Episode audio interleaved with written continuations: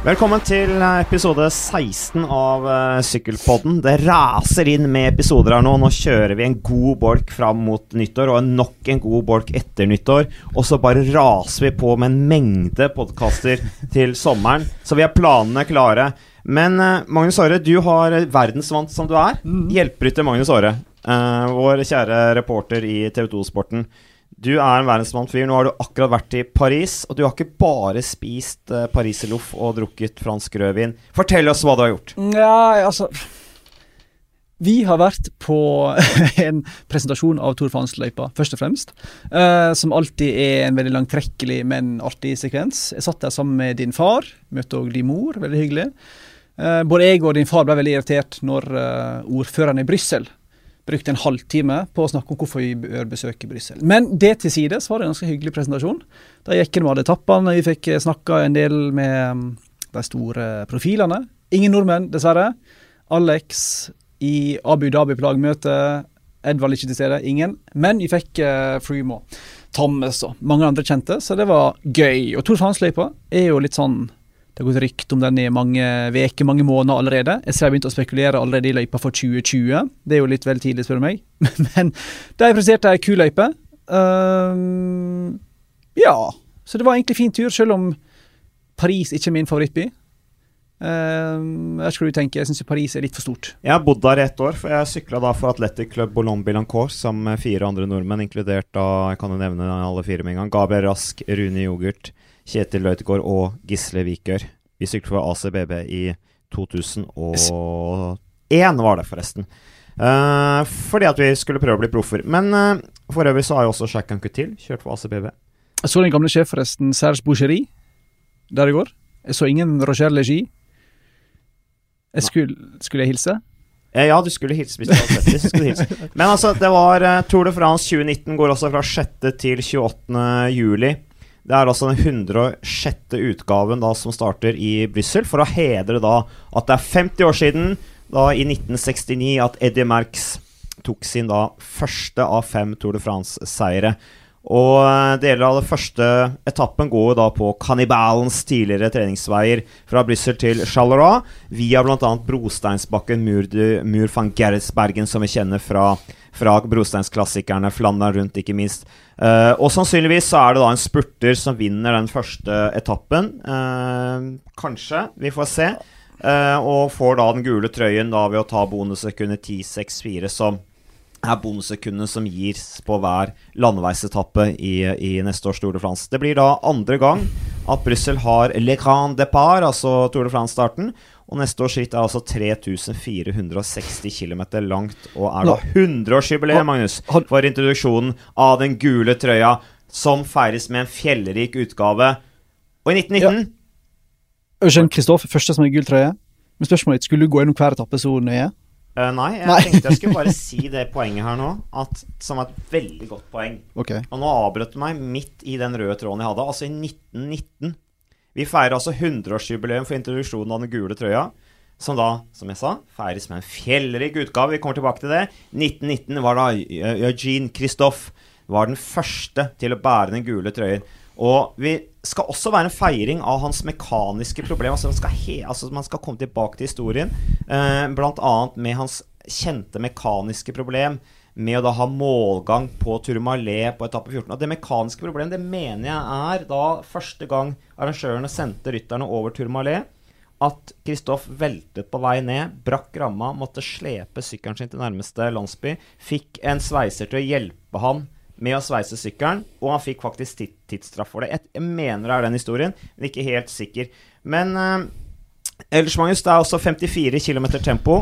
Uh, 27 km individuell tempo i en småkupert løype da skal passe Bardet og Pinot. Og så er det 28 km lagtempo på etappe to. Ja, så har vi um, totalt sju fjelletapper. Vi har totalt sju slash åtte for spurterne. Vi har fem etapper som går i mål på toppen av fjell. Tre av de på over 2000 meter høyde. Vi har ingen etapper med brostein, dessverre. Vi har ingen etapper med sidevind, dessverre, syns jeg. Vi har mange, ja, vi har mange etapper. Det kommer litt an på, da, Magnus. Det med sidevind. Jo, men det er ingen, ut, ingen utpreget etapper langs kysten, i alle fall, som er utsatt for vind. da. Men du kan få en Mistral-vind på etappen til NIM, kanskje. Ja, det tror jo annet arrangørene på. Mm. Da. Og der blåser jo katter og bikkjer eh, når det først blåser. Så der har man jo sett at feltet har sprukket tidligere. Men mange sånne litt sånn halvharde etapper for eh, brudd, og sånne såkalte punsjører. Litt sånn i Vuelta-stil, nesten. Eh, med annet tre fjelltapper som òg er kortere enn 130 km. Så en går litt ned på distansen. Litt mer action. Eh, så jeg vil gi løypa terningkast fem fire. Hva tenker du? Nei, jeg, jeg klarer ikke helt å gi et ternekast ennå, men jeg liker det jeg ser. Og du nevnte dette med Spania rundt. Og det er jo ASO, altså arrangøren av Tour de France, som eier Spania rundt. Og jeg har på følelsen at de litt eksperimenterer litt med Spania rundt for å prøve ut konsepter. Eller prøve ut uh, måter å gjøre ting på, løse ting på, uh, som de kanskje overfører, som har en overføringsverdi til Tour de France. Det er jo ikke noe tvil om at Spania rundt er vellykket, syns jeg, i form av at det er, er ganske åpent. Det er eh, veldig vanskelig å kontrollere. Og det er litt det folk vil se. De vil se disse rytterne gå i brudd og kjempe i bruddet, rytter mot rytter. Uh, ikke så kontrollert. Uh, og der syns jeg særlig årets Spania rundt var, eh, var veldig gøy. Blant annet med måten de klemte inn en ganske tøff bakke-off i starten av etappene. Som gjorde at det ble seilt av gårde et stort brudd med en gang. Nå får vi jo se om det utvikler seg sånn i Tour de France, uh, men spennende blir det i hvert fall. Tre målganger på over 2000 meter, som nevnte, nevnte Magnus. Og det beskrives av Christian Prudhomme, da rittdirektøren, som tidenes høyeste utgave av Tour de France. I da tid som tilbringes i et visst høyt antall meter over havet, for å, for å, for å oversette. Uh, og Christian Prudhomme sier videre vår intensjon er ikke å gjøre rittere hardere, men mer variert. Uh, og det er mindre høykategorifjell, på tross av at de skal ligge høyere enn noensinne. Med Eh, 30 kategoriserte stigninger totalt? 30 kategoriserte stigninger, men det er altså også flest av disse stigninger, flere av disse stigningene enn tidligere er da i kategorien under. Uh, for å kanskje gjøre det litt mer variert, litt mer åpent. Og så er det altså flere medium eller medium fjelletapper som vi var inne på, gjør det vanskelig å kontrollere for eh, feltet. Så jeg gir en terningkast seks. altså. Oi, oi, oi. Allerede. Ja. Ja, det er bra, det. Det er bra du er optimist. Eh, hvem- hvem vinner under terningkast seks Tore Fransen? Nå? Det må jeg tenke litt på. Det må vi drøfte litt mer. Eh, Men eh, det er også det som også er litt gøy, da, for å nevne eh, at her, eh, her har de brukt De har vært kreative eh, med tanke på neste de, de har virkelig gått i tenkeboksen. For nå må de prøve Altså, Tour de France har blitt kritisert. ikke sant? Sykkelsporten er under press for å gjøre det enda mer underholdende. Eh, og de har også da lagt inn disse innlagte tidsbonusspurtene også på toppen av bakker. Uh, og det innbyr jo til offensiv uh, sykling, uh, Magnus. Ja, og målet var vel å I fjor, eller i år heter det, i 2018, så la du dessverre spurtene på de første ni etappene, var det vel? På et litt tidspunkt på flatetappa, som egentlig var en heidundrende fiasko. Det ble jo ikke noe Ingen rele som la merke til Nei, ingen la merke til det, ingen brydde seg. Så da du har flytta deg til ned av toppen av stigningene, gjerne nest siste stigning på etappene, for å um, framprovosere og um, framprovosere tidligere angrep og mer action. Det kan bli kult. Om det blir en store betydninga, kanskje. Jeg tipper at bruddet vil også ta med seg de poengene der. Men um, godt tiltak, så vi se om det funker. da. Ja, og en annen ting, eh, Magnus. altså ASO søker jo også UCI, Internasjonale Sykkelforbundet, eh, om å øke antallet sekunder som er mulig å gi i en innlagt spurt. Så de ønsker fight underveis, altså. Og kommer du av gårde, stikker av gårde, så kan du knipe inn sekunder som gjør at det blir mer eh, press på, på sammenlagtlederen, og ikke minst sammenlagt la lagene. Men radikalt forslag. Garantert upopulært blant veldig mange som hører på, og deg sikkert. Men du er en radikaler. Ja, ja, jeg på mange måter går mot strømmen. Jeg tenkte på en ting her i går. Vi sitter jo på Tour de France hvert år og tenker ja, blir det fire fjelltapper, blir det fem, skal vi til Alpene først, eller Pyreneene først? Tenker, Hvem bryr seg?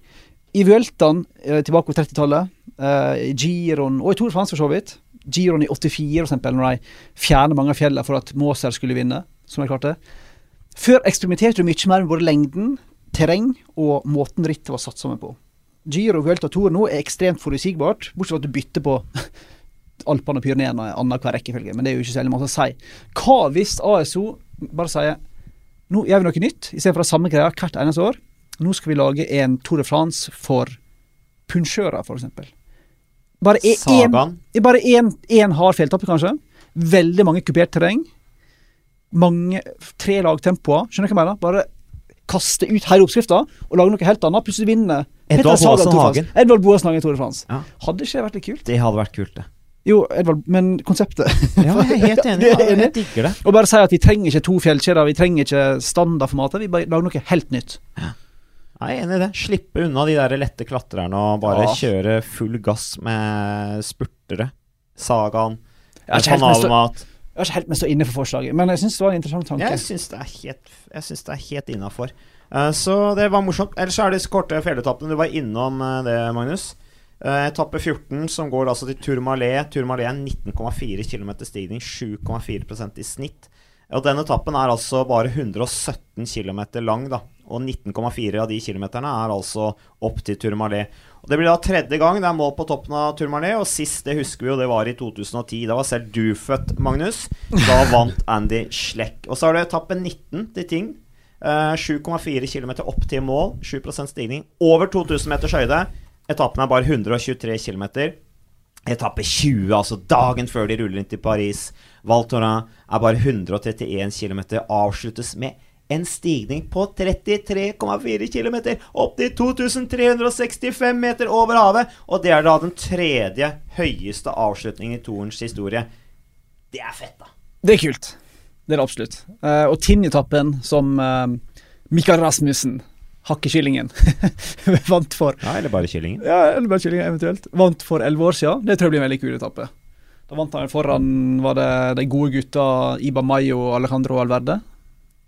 Eh, Ja. I en ekstremt underholdende Godt selskap. Godt selskap-etappe. eh, uten tvil eh, eh, Skal vi si eh, eh, Underholdende fordi folk gikk på litt av hvert. Så det var jo Folk angrep jo fra første kilometer på den etappen.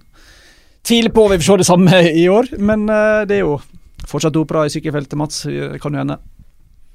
Vi, eh, det blir i hvert fall spennende. Men Magnus, hele poenget Det som er litt morsomt, er at du sitter her nå i Norge. Altså um, teknologien har kommet Du var i Paris i går, og nå er du her i Oslo.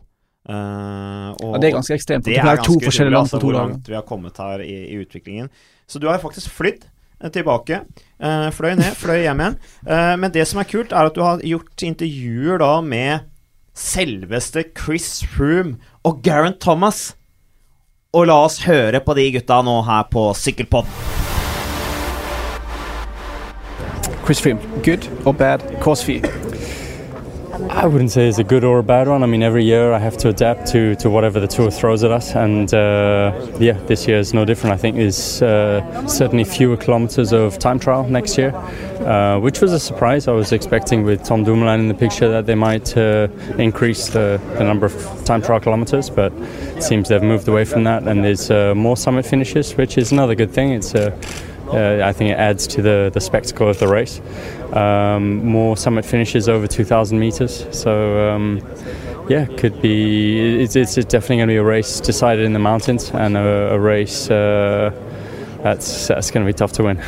You mentioned Tom Dumoulin. Does the lack of time trial kilometers mean it's advantage Team Sky? Well, I mean, he's as good in the mountains as, as we've been this year, so it's not to say that he can't climb. Garen Thomas, first impressions, good or bad parkour? Yeah, I think it's uh, it's hard to see to tell really. It's so quick and brief, but um, yeah, it looks hard for sure. It always is. Um, a lot of sort of medium mountain days, which would be tough to to control for teams, and um, but yeah, a lot of climbs over 2,000 meters, which I tend to be okay at most of the time. Tend to enjoy that. So uh, and then obviously the the TT's a little shorter, but I think it can still play a, a key role. So um, yeah, I like it. Will you defend your title?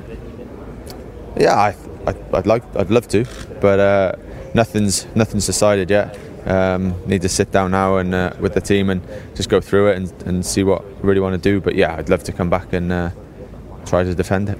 Last few weeks we've seen you at the, the Emirates, we've seen you at the Camp Nou. Have you managed to stay in shape? No. so uh, I think it's time to get back on the bike now and uh, start riding again. But it's uh, it's been super busy, but I've really enjoyed it and wanted to make the most of it because it's, it's not often you do. Uh, well, you win the biggest bike race in the world, so um, certainly enjoyed that. But I've got the the bug back again now to to get riding my bike and live a serious life again. Finally, any news on the missing trophy?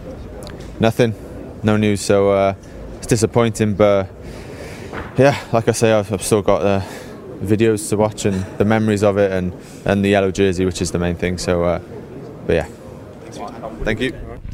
Chris Froome og Garen Thomas der også, uh, Magnus. Og uh, Froome altså, han sier at uh, ja, løypa er verken bra eller dårlig, sier han. Det er det arrangørene kaster mot oss hvert år. Han er forberedt på det. Overraskende over få tempokilometer. Han nevner Tom Demelin, at han kanskje hadde trodd da Sånn som arrangørene gjorde i 2012, med at de signet løypa for Bradley Wiggins. Så trodde han kanskje at de skulle designe løypa for Tom de Melin i 2019. Ja. Det ser ikke ut til å gjøre det. Og så at rittet kommer til å avgjøres i fjellene, siden han blir hardt i fjellene. Så bla, bla, bla. Og så, ah, så risikerer jo å, å um, stoppe de Melin å komme, da. Han var jo ikke veldig begeistra i går. Var, var selvfølgelig um, eh, politisk korrekt og sa at det er en arrangør sin rett til å designe sånn som du vil, men du risikerer jo at han da heller går for giroen der det er snakk om uh, tre individuelle tempoer. Det får vi vite neste uke når den løypa presenteres. Så jeg er overraska sånn over at de ikke tok mer hensyn til å bygge opp under den der eh, Dumoulin Sky-duellen, i og med at ASO har vært så uttalte på at vi må få en slutt på Sky-dominansen. Tom Dumoulin gjør de fleste sett på som Froome og Thomas' største rival. Da de tenkte at de ville ha lagt inn flere tempokilometer for å sikre seg på startlista.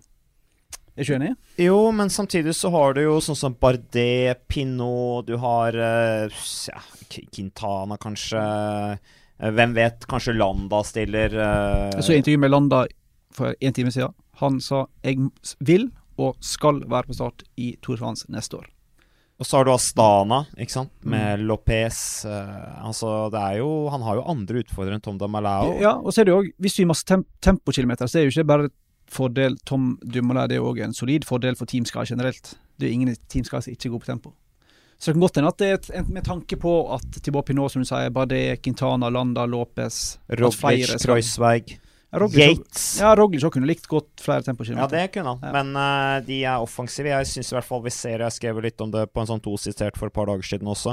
Uh, at jeg syns det ser ut som Lotto Jumba har fått selvtilliten i forhold til mm. at de tror de kan vinne Tour de France. Mm. Uh, nå med at de henter inn Tony Martin, jeg ser folk kommentere med at jeg er Tony Martin over middagsøyne, bla, bla. Ja, for kanskje egen prestasjonsdel, ja. Men som hjelperytter tror jeg han absolutt er en klassesignering av Lotto Jumba. Det er klart at de, de ønsker å hente han med tanke på en lagtempo, f.eks., som kanskje er akkurat det de mangler. Eller manglet for at f.eks. Roglic ville stått på podiet i Tour de France i år. Mm.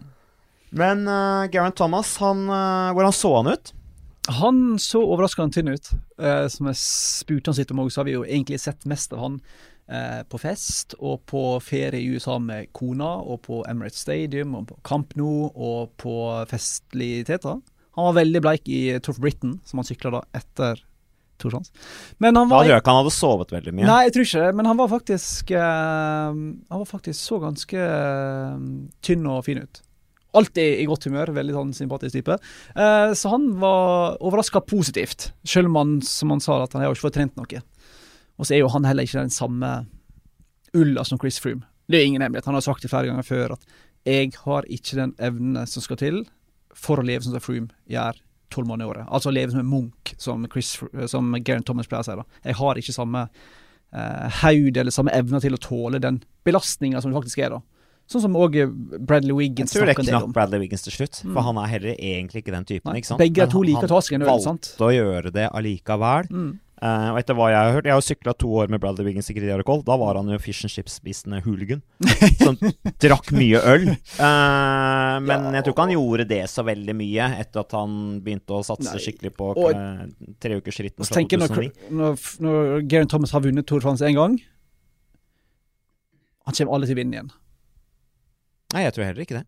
Han er for uh, utsatt for uh, ulykke, selv om han vant Tour de France i år. Alt da var han veldig solid, da. Ja, veldig solid, men han fortsatt du blir ikke kvitt det ulykkesstempelet selv om du har én velikator hans. Samtidig som jeg tror ikke han har den driven som Chris Froome eh, og Lance Armstrong hadde, og disse har vunnet flere ganger. Det tror jeg ikke. Så eh, det var snakk om i går, litt blant uh, vi journalistene når to venta på seg intervjufolk, på rytterne. Sånn, blir det begge to til Tour de France? Blir det Froome og Thomas? Eller deler de opp Thomas og Bernal på Giro, og så Froome alene i Tour de France? Mange sa faktisk at de hadde hørt av kilder, journalister har jo et litt sånn rart forhold til kilder. Om det er pålitelig eller ikke, vet jeg ikke. Men at Froome sykler Tour France alene, og at uh, Thomas går til uh, Giro. Men når vi spurte han, sa han ja, jeg egentlig mest lyst til Tour de France. Så det blir spennende å se. Uh, det eneste han sa, var vel at jeg bestemmer meg før nyttår. Ikke at det er noe sjokk, men vi får iallfall et svar før, før nyttår. nå. Det har ganske masse å fordele når du både har Bernal i tillegg, da. og så har du folk som David de la Cruz og Wout Pools og Altså det er veldig mange folk om beinet, som alltid, i Team Sky. Den som er spennende, er Bernal. Mm. Eh, og særlig når det nå er snakk om da, at det skal være den høyestliggende Tour de France i historien. Eh, så vil jo han med sine colombianske gener, som er vant til tynn luft fra hjemlandet Colombia, stå kanskje litt eller stille sterkere, da. Eh, han er jo allerede tilbake til den stygge ulykken fra San Sebastian. kjørte bra nå på, på høsten i Italia, på disse endagsrittene der. Så han er jeg spent på. Jeg, jeg tror at uh, Garen Thomas har dårlig tid med tanke på giroen. Altså han har liksom ennå ikke bestemt seg. Han har knapt trent, har jeg inntrykk av. Mm. Uh, og han sier jo selv òg, liksom når du først har vunnet Tour de France, så må du jo nyte litt. Mm. Og jeg har de, det, det er, Nå kan det godt tenkes dette her er, det kan være helt feil fra, fra min side allikevel, men, men, er det ikke sånn at de beste som gjentar suksess år etter år etter år, at de med en gang tenker på neste, istedenfor ja. å nyte for lenge? Og, og, så det er nå har Geraint Thomas han har hatt ganske god tid til å nyte Tour de France. Jeg har, jeg, jeg, har inntrykk av at han knapt har sykla siden Tour de France uh, siste etappen. Hvis jeg følger han i sosiale medier, så får du iallfall det inntrykket. Men du som har sykla før, hvor stor forskjell er det egentlig på om uh, en går i mål på 1850 meter eller 2100 meter? For som snak, Mange snakker her om den ekstreme høyden i Tour de France i år, og derfor da må Bernal og Quintana og Miguel Ángel Lopez og Esteban Chávez og Rigoberto Alle colombianerne må sykle Tour de France fordi det liksom er høydemeter, høydemeter, høydemeter. Hvor stor forskjell er det egentlig på den der 2000 meter-grensa? Ja, 1800 og 2000 meter er jo ikke det, Men altså, det er jo For de fleste måltopp Det er jo fort jo når du får det på 1800 meter, og så skal du videre en opp til over, mm. godt over 2000, så ras, raser sekundene fort, altså, når du først har fått det. Nei, jeg vet hva, Det kan jeg ikke svare helt på, Magnus. Eh, og jeg tror at uansett når jeg har vært oppi de høydene Jeg gispa så til luft, jeg husker ikke hvordan det var. Men, eh, men eh, det, er, det, skal bli spennende å se på rittprogrammet til Froome Thomas Sky-kabalen.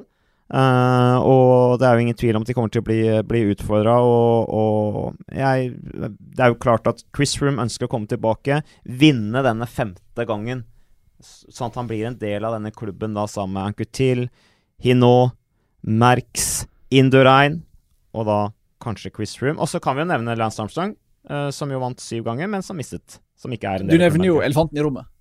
Ja, men vi må, jo nevne det. Som ble et, et samtaletema i går, fordi uh, som de som fulgte med prestasjonen, Sigrid har fått med seg, så ble jo da uh, Indorain, uh, Inno og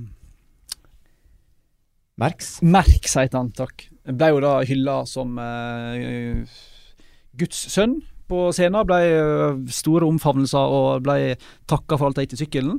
Og så reagerer veldig mange på da, hvorfor du uh, hyller en fyr som Eddie Merck, setter seg positivt fire ganger. Hvorfor du hyller en fyr som Bernard Inot, som nekter å gå på dopingkontroll når han var aktiv. Hvorfor du hyller en fyr som Miguel Indrain, som alle med oppegående IQ skjønner kanskje har vært borti noe som ikke nødvendigvis var, var tillatt. Mens Lance Armstrong og Johan Brunel sitter hjemme som, og Floyd Landis og Michael Rasmussen Vi har mange eksempel. Sitter hjemme. Da ble mange litt sånn her um, Skal vi si indignerte, som journalister ofte blir. Uh, på vegne av de forsmådde, som i dette tilfellet her da er Lance Armstrong og Brunel spesielt. Men hadde du Hva hadde det skjedd hvis Tour de France inviterte Lance Armstrong, da? Hva hadde de samme folka da? Sagt da? Nei, jeg, jeg mener du får jo da enta ingen eller alle, da. Ja, men uh, forskjellen er jo det at uh, Lance Armstrong har jo blitt avslørt. Uh, Eddie Merckx har jo for så vidt det, han også, da. uh, så, så, jeg skal bite det i meg, det jeg sa nå. Men allikevel, altså jeg, jeg, Nei, altså, klart Den forskjellen som du er inne på, er jo at Lance har jo formelt ingen seire. Så han har jo ingenting på scenen å gjøre som en fem ganger vinner av Tour de France. Det var poenget i går. Du samme de som vinner vunnet fem ganger. Han har jo blitt formelt fratatt ja, seierne sine. Så det er en markant forskjell. Mm. Men vil jo, en vil jo hylle Eddie Merckx og Indurain og alle disse her, og Inno og hva det heter, i Tour de France 2019. Lance Armstrong er neppe velkommen der, for å si det sånn. Så kan du si Lance Armstrong har selvfølgelig mye mer å svare for i og med at han ble dømt for mer enn bare doping. Han ble dømt for uh, trafficking drugs, uh, encourage drugs, altså veldig mange flere punkt han har synda på, da. Om vi skal være sånn formelle. Ja, han skulle jo prøvd å knuse folk også. Ja, ja, så det er mange flere ting, men likevel spørsmålet her er jo hvorfor ASO absolutt hvert eneste år insisterer på å være fullstendig hyklerske.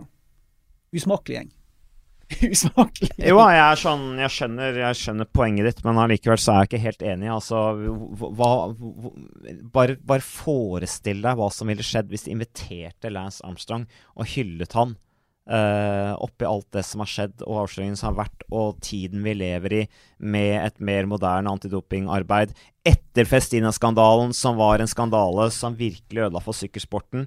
Uh, man trodde på en ny giv, man trodde på, på en, ny, en, ny, kultur, at folk forsto alvoret. Og, og, så er det samme greiene. En kjempebølge av det. Så ja.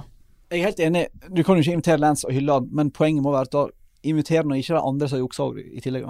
Du må, må ta enten-eller, tenker jeg. Ja, uh, det, det, kan du sikkert uh, si. Men, uh, men, sånn er nå sånn idretten. Så, og det syns jeg var et veldig vanskelig tema å snakke om, Magnus. Nå fortsetter vi avslutter det nå. det, var, det mange syns det er vanskelig å snakke om. la oss heller snakke om Mark Cavendish. La oss gjøre det. du har snakka med Mark Cavendish også. Har jo nylig nå blitt offisielt at han da har resignert avtalen med, med Dimension Data. Man så det litt komme, da. Først signerte altså Mark Så liksom, ok, hva skal de med han, liksom? Tenkte jeg. Han er jo for øvrig min tidligere lagkamerat i Grearkoll, men, eh, men altså, han er litt sånn over uh, jeg, jeg, ser ikke for meg at Mark Wenshaw kommer til å kjempe om seier i Tour de France. Ja, ifølge våre australske kollegaer i journalistikkbransjen så er han heller ikke spesielt close med Mark Cavendish lenger. Så hva slags rolle han egentlig har det De var jo som uh, knoll og tott før. Renshaw og Cavendish. De ser vel på han som en potensial Men, men det jeg skulle fram til Jeg visste ikke det at han ikke var så close med Cavendish lenger. Men poenget er det at han har jo hatt en veldig mye vellykkede opptrekk av Mark Cavendish. Uh, og da tenkte jeg ok, nå signerer Renshaw. Uh, og så kom da nyheten om at de signerte Eisel. Uh, og det er det trekløveret som vi er vant til å snakke om ikke sant, rundt Cavendish. Og så får vi da offisielt at Cavendish signerer da for Dimension Data. Det var jo snakk om han skulle til Bahrain. Uh, og, og, han sier jo det at han har Tour de France har selvfølgelig en spesiell plass i hans hjerte, og han ønsker å vinne mer.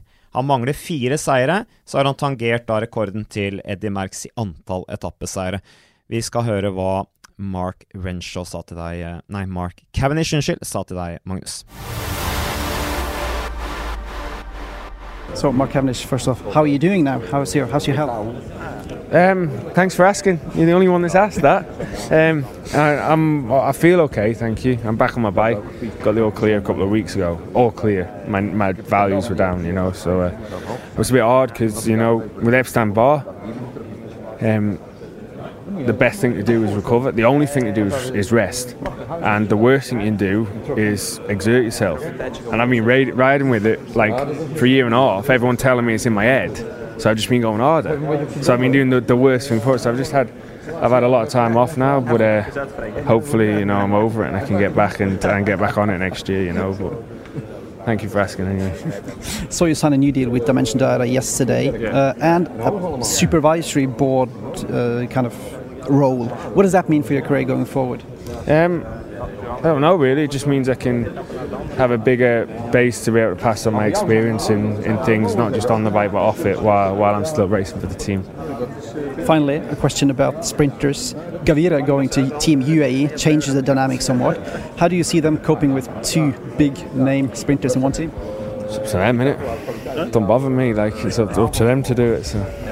You've been in a team with multiple sprinters as well. Is it hard to kind of juggle those ambitions of two big name sprinters? Really, because I'm always the best.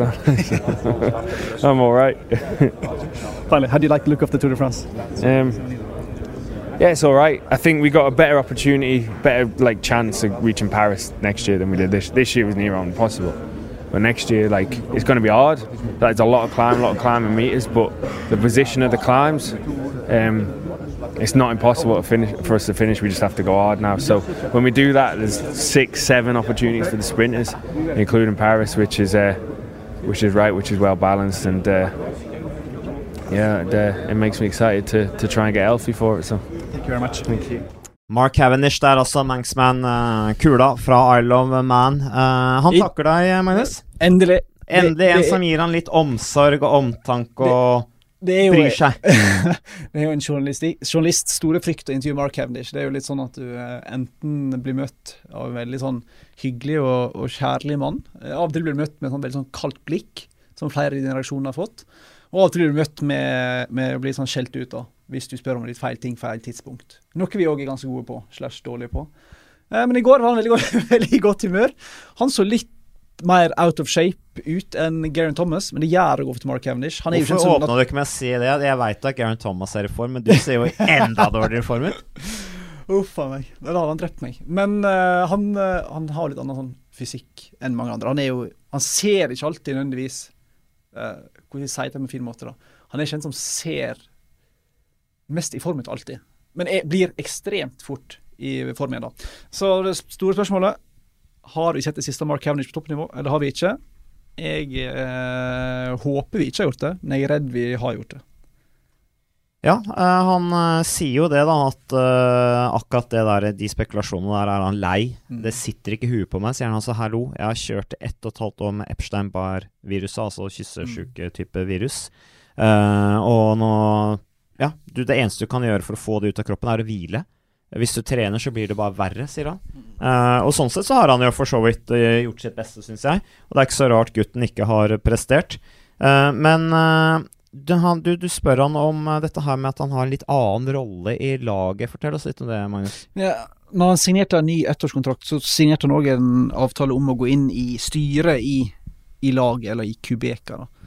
Eh, og når en begynner med sånne ting ved siden av karrieren sin, så vil jo mange tolke det som et tegn på at du begynner å legge planer for det du skal gjøre etter karrieren.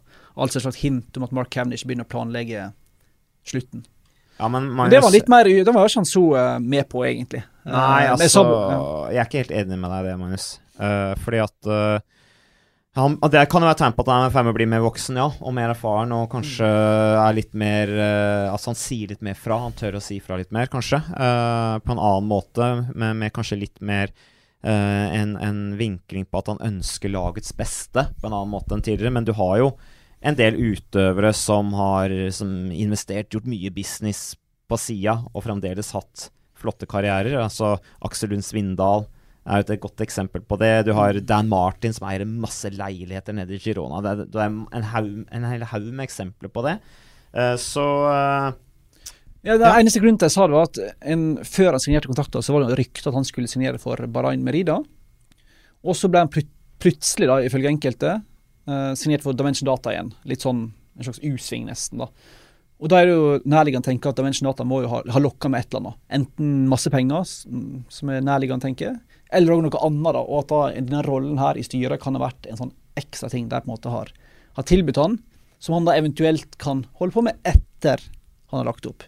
Det er selvfølgelig bare spekulasjoner fra min side, uh, men uh, det virker ikke som på svarene at det var noe han hadde tenkt sånn veldig eh, nøye over egentlig hva det betydde. Eh, så det er godt han jeg tolker det feil. Altså. penger, Magnus, uh, Mark Cavendish, at han trenger vel egentlig ikke å gjøre all verdens han kan ligge på sofaen resten av Ja. livet sitt, tror jeg. Så eh, Nei, men det er spennende uansett, da. At uh, han uh, trekkes litt inn i andre roller. Han, han er jo sikkert en litt forretningsmann òg. Kan godt tenke seg at han har mye å tilføre uh, i, i ledelsen i, i laget. At han, at han faktisk Mm. har mye kontakter og nettverk og sånne ting også, som han kanskje kan bidra med. Og så virker han jo Vi har jo vært nede i Sør-Afrika med han flere ganger på treningsleir med laget. Og han virker jo genuint opptatt av, og ikke bare PR-messig opptatt av, men genuint opptatt av Kubeka og det å gi sykler til eh, de som trenger aller mest i Afrika. Han virker eh, veldig engasjert i akkurat det arbeidet. Eh, noe som er gledelig å se, for den har jo ofte ryttere som, som framfører som PR-budskap hvert lag de kommer. Men Cavendish virker til å være heil ved akkurat der. Så Ja. det engasjerer han tydeligvis. Og Edvald sa jo det i den Edvald spesialpodkasten vi hadde også, at Cavendish har jo en stor verdi for laget Ja. i den personen han er. Eh, ellers så spurte han jo da og Det var kanskje der han mumla mest, uh, og, og kanskje hadde mest lyst til å gi deg en kilevink. Uh, det var når du spurte om Gaviria og Kristoff. Eh, og han sa vel egentlig bokstavelig talt slik jeg, jeg klarte ikke helt å skjønne hva han sa, men jeg oppfattet tolker det som at det driter jeg i, svarte han. eh, og så svarte var- han "Men hva hjalp meg når jeg var i sånn situasjon. Det var ikke noe problem for meg, for jeg var jo alltid best, så det har aldri vært noe problem for meg. Så, det er litt Det er Cavendish på sitt beste. Det er herlig. Han hadde jo en uh, masse dokumentert du duell med lagkompis André Greipel, for jeg ikke husker det, da, tilbake i HTC Colombia-tida. Da var de på samme lag og fikk ikke alltid til å stemme. Uh, men å snakke om Gaviria og Kristoff var han sånn passelig interessert i. Jeg vil bare legge til at i HTC-åra, altså to av de, de, Altså i historien, de lagene som har vunnet de tre, uh, i tre år, så er det altså to av de beste årene uh, med flest antall seire per lag, så er det HTC Colombia som vant mest. Foran årets sesong på Quickstep. Mm. Så de vant altså nesten 80 sykkelløp da, eh, i året, de to, de to, årene der. Blant annet med Greipel og Cavendish. De hanka inn seire. Ellers så nevner han jo da han eh, Dere snakker jo selvfølgelig om årets, eh, nei, neste års Tour de France-løype. Uh, og han virker jo ganske positiv. Seks-sju muligheter, sier han. Uh, inkludert av den til uh, Paris, og, og beskriver løypa som balansert. Mm. Så da er det jo håp for uh, spurtere. Som jeg som skulle ja. si Kristoff, før jeg huska på at Å ja, søren. Gavira skal jo sykle, sykle, sykle sikkert. Så, men det blir jo veldig spennende å se. Ellers, Magnus, det er Eh, du snakket om dette her, man burde jo kanskje vurdere å bare kutte ut fjellene i Tour de France og lage det til en sånn puncher. Ja, jeg har kjent meg står ved det forslaget. Det er et slags, sånn, et slags tankeeksperiment. Ja, men det er interessant. I så fall så kunne jo fort uh, Greg van Avermat uh, vært en vinner av Tour de France uh, sammenlagt. Det ville vært noe. Uh, rytteren som jeg for øvrig la merke til, jeg følger deg på sosiale medier, Magnus. Jeg anbefaler alle å følge Magnus på, på Instagram. Han, han han gjør alt han kan for å lage gode stories. Og en av storyene der, Magnus, det var det at du uh, tok et bilde av Greg van Amat. Hvor du tok bilde av anklene hans. Han hadde ikke sokker på seg. Eh, sånn at dere er sånn brødre hva gjelder stil. Ja, og, og Hvordan er stilen til Greg van Amat? Sånn ja, altså, fra en skala fra én til ti. Ja, han Greg er jo um, både som person og stilmessig en, en ternik, eller en terningkast seks-person, vil jeg påstå. Fordi han skiller seg ut i et, et, uh, sykkelmiljø som Det kan sikkert du snakke mer om. Et sykkelmiljø der uh, som er et slags freakshow når det gjelder mote og klær. Folk som er veldig tynne, som går med veldig store klær. Uh, veldig mange rare um, jeans, rare bukser. Rare blazere du ser. Sånn som i går på presentasjonen i Torfans. Da dukker folk opp i dress. Det ser helt helt weird ut, hele gjengen. For at Chris Froome sine dresser er alltid fra en annen tidsalder. Uh, Ala Filip er bare sånn helt ute. Og så er det noen som er skikkelig dyktige. Og Greg Amat er dyktig, for han går med et klær som passer han, og som ser litt sånn trendy ut. Så han gikk jo da i um, bare ankler, altså barføtt i skoa. Det er altfor masse kritikk for at jeg gjør altfor ofte. Jeg tar til meg den kritikken. Hvem er det som kritiserer hardest for det? Nei, Det er mest sånn familie og kjæreste sånn, som alltid må leve med at jeg fort blir sjuk. For immun, immunforsvaret mitt uh, naturligvis, når du er tyntkledd, blir litt sånn uh, går i feil retning. da. Uh, men å se Greg Amat gå i bare ankler, det ga meg inspirasjon til å stoppe barrikadene der en stund til. Ja, for du har alltid vært en revolusjonær, uh, Magnus. Så det, vi, er, vi, er, veldig glad på dine vegne at du endelig Takk. møtte en som også Takk. gikk uten sokker. Men vi kan høre, vi, hva Greg eh, van Avermat sa i intervjuet med Magnus Orre. Greg van Avermat, first of all, how are you doing? How's your off-season been? Uh, pretty good, yeah. Uh, I made the decision to stop after Worlds and uh, yeah, give some extra time to, to rest and to uh, refresh your your, uh, your season. And uh, yeah, I'm pretty happy with how it how it goes, and it's it's a good good feeling to rest a little bit more. Obviously, a lot of changes for you next year. Will the the race calendar, the targets be the same, pretty much? Yeah, yeah. For me, yeah, I think classics are really important, and then uh, yeah, Tour de France for sure, for sponsor-wise, is the biggest event of the year. So hopefully we can uh, come to the tour uh, with a good, good team and uh, fight differently because we don't have any GC guy who really focuses for only the podium. So I think we can go more in uh, attack, being attractive in the race. But it can be good for me also to have a, a different strategy a lot of high altitude mountain passes. Would you agree that this Tour de France route is extreme? Yeah, it's extreme and different. I think uh, it's. I think it's a nice parkour to to open up the race, uh, especially the first part. Uh, you have Plage de Belfi who is going to give some difference, but not too much. So GC guys will still be uh, really in fight with each other until the Pyrenees, and then you have the Central Massif, who can opens up different kind of racing, and in the end, then you have super high passes, which uh, which the guys have to go faster than me. So we see we will see uh, who wins in the end. Thank you very much. Greg van Avermat uh, der altså uh, Han virker veldig fornøyd, uh, Magnus. Han har hvilt og slappet av. Sier at det er godt å få hvilt litt. Og så er du inne på dette her, hva blir viktig da i dette nye CCC hva, hva skal det egentlig hete for noe? Hva Team CCC? Ja. Var det ikke det en endte på? Jeg Eh, tror jo, det. som er vesker eller sko Ja, sko og væske fra en polsk eh, produsent. De har vært i, i sporten i en evighet, faktisk. Etter syklene og klærne å dømme, er de veldig skoene og veskene veldig stygge. Alt er jo knalloransje, øh, men Jeg veit ikke. Det er kanskje grunnen grunn til at det ikke er noen CCC-klær her oppe i Norge. ja, kan. Kanskje du skal, vi skal starte med importen av det. Men øh, det er, som er litt interessant Han, han liker jo Greg von Amat sier at han liker løypa veldig godt. Um, og han sier også at uh, CCC-laget de har ingen sammenlagt rytter, så de kommer til å gå for etapper. Det tror jeg Da forventer jeg egentlig å se ganske mye fra de, fordi jeg tror det kler uh, van Amat og gjengen å ha en offensiv, offensiv innstilling til ritt og angripe og, og leke seg litt underveis. Uh, Jeg, jeg tror nesten at CCC er bedre for Panamat enn BMC. Han har mista et par hjelperyttere, sånn Jørgen Raalands og Stefan King. Han har fortsatt Francisco Ventoso, Michael Skjær, han får en Guillaume van Keiersbolk. Har sterkt klassikerlag. Og uten denne Richie Port eller en annen sammenlagt favoritt, får han enda mer fritt leide til å gjøre det han vil i Tour de France og det andre tre uker siden. Så for Greg Flama tror jeg 2019 blir et meget, eh, meget bra år. Ja, vi har tro på Greg van Amat, som også var positiv til løypa. Han Mm. sier at eh, det åpner opp for muligheter, og så blir det plutselig veldig høyt. Eh, da ser dere ikke noe til meg, sa han. Men eh, apropos, eh, vi har ikke nevnt Richie Port med ett ord. Altså, vi snakker om favoritter, sånne ting. Richie Port, ingen snakker om han. Er han Er det noe håp for Richie Port i Tour de France 2019?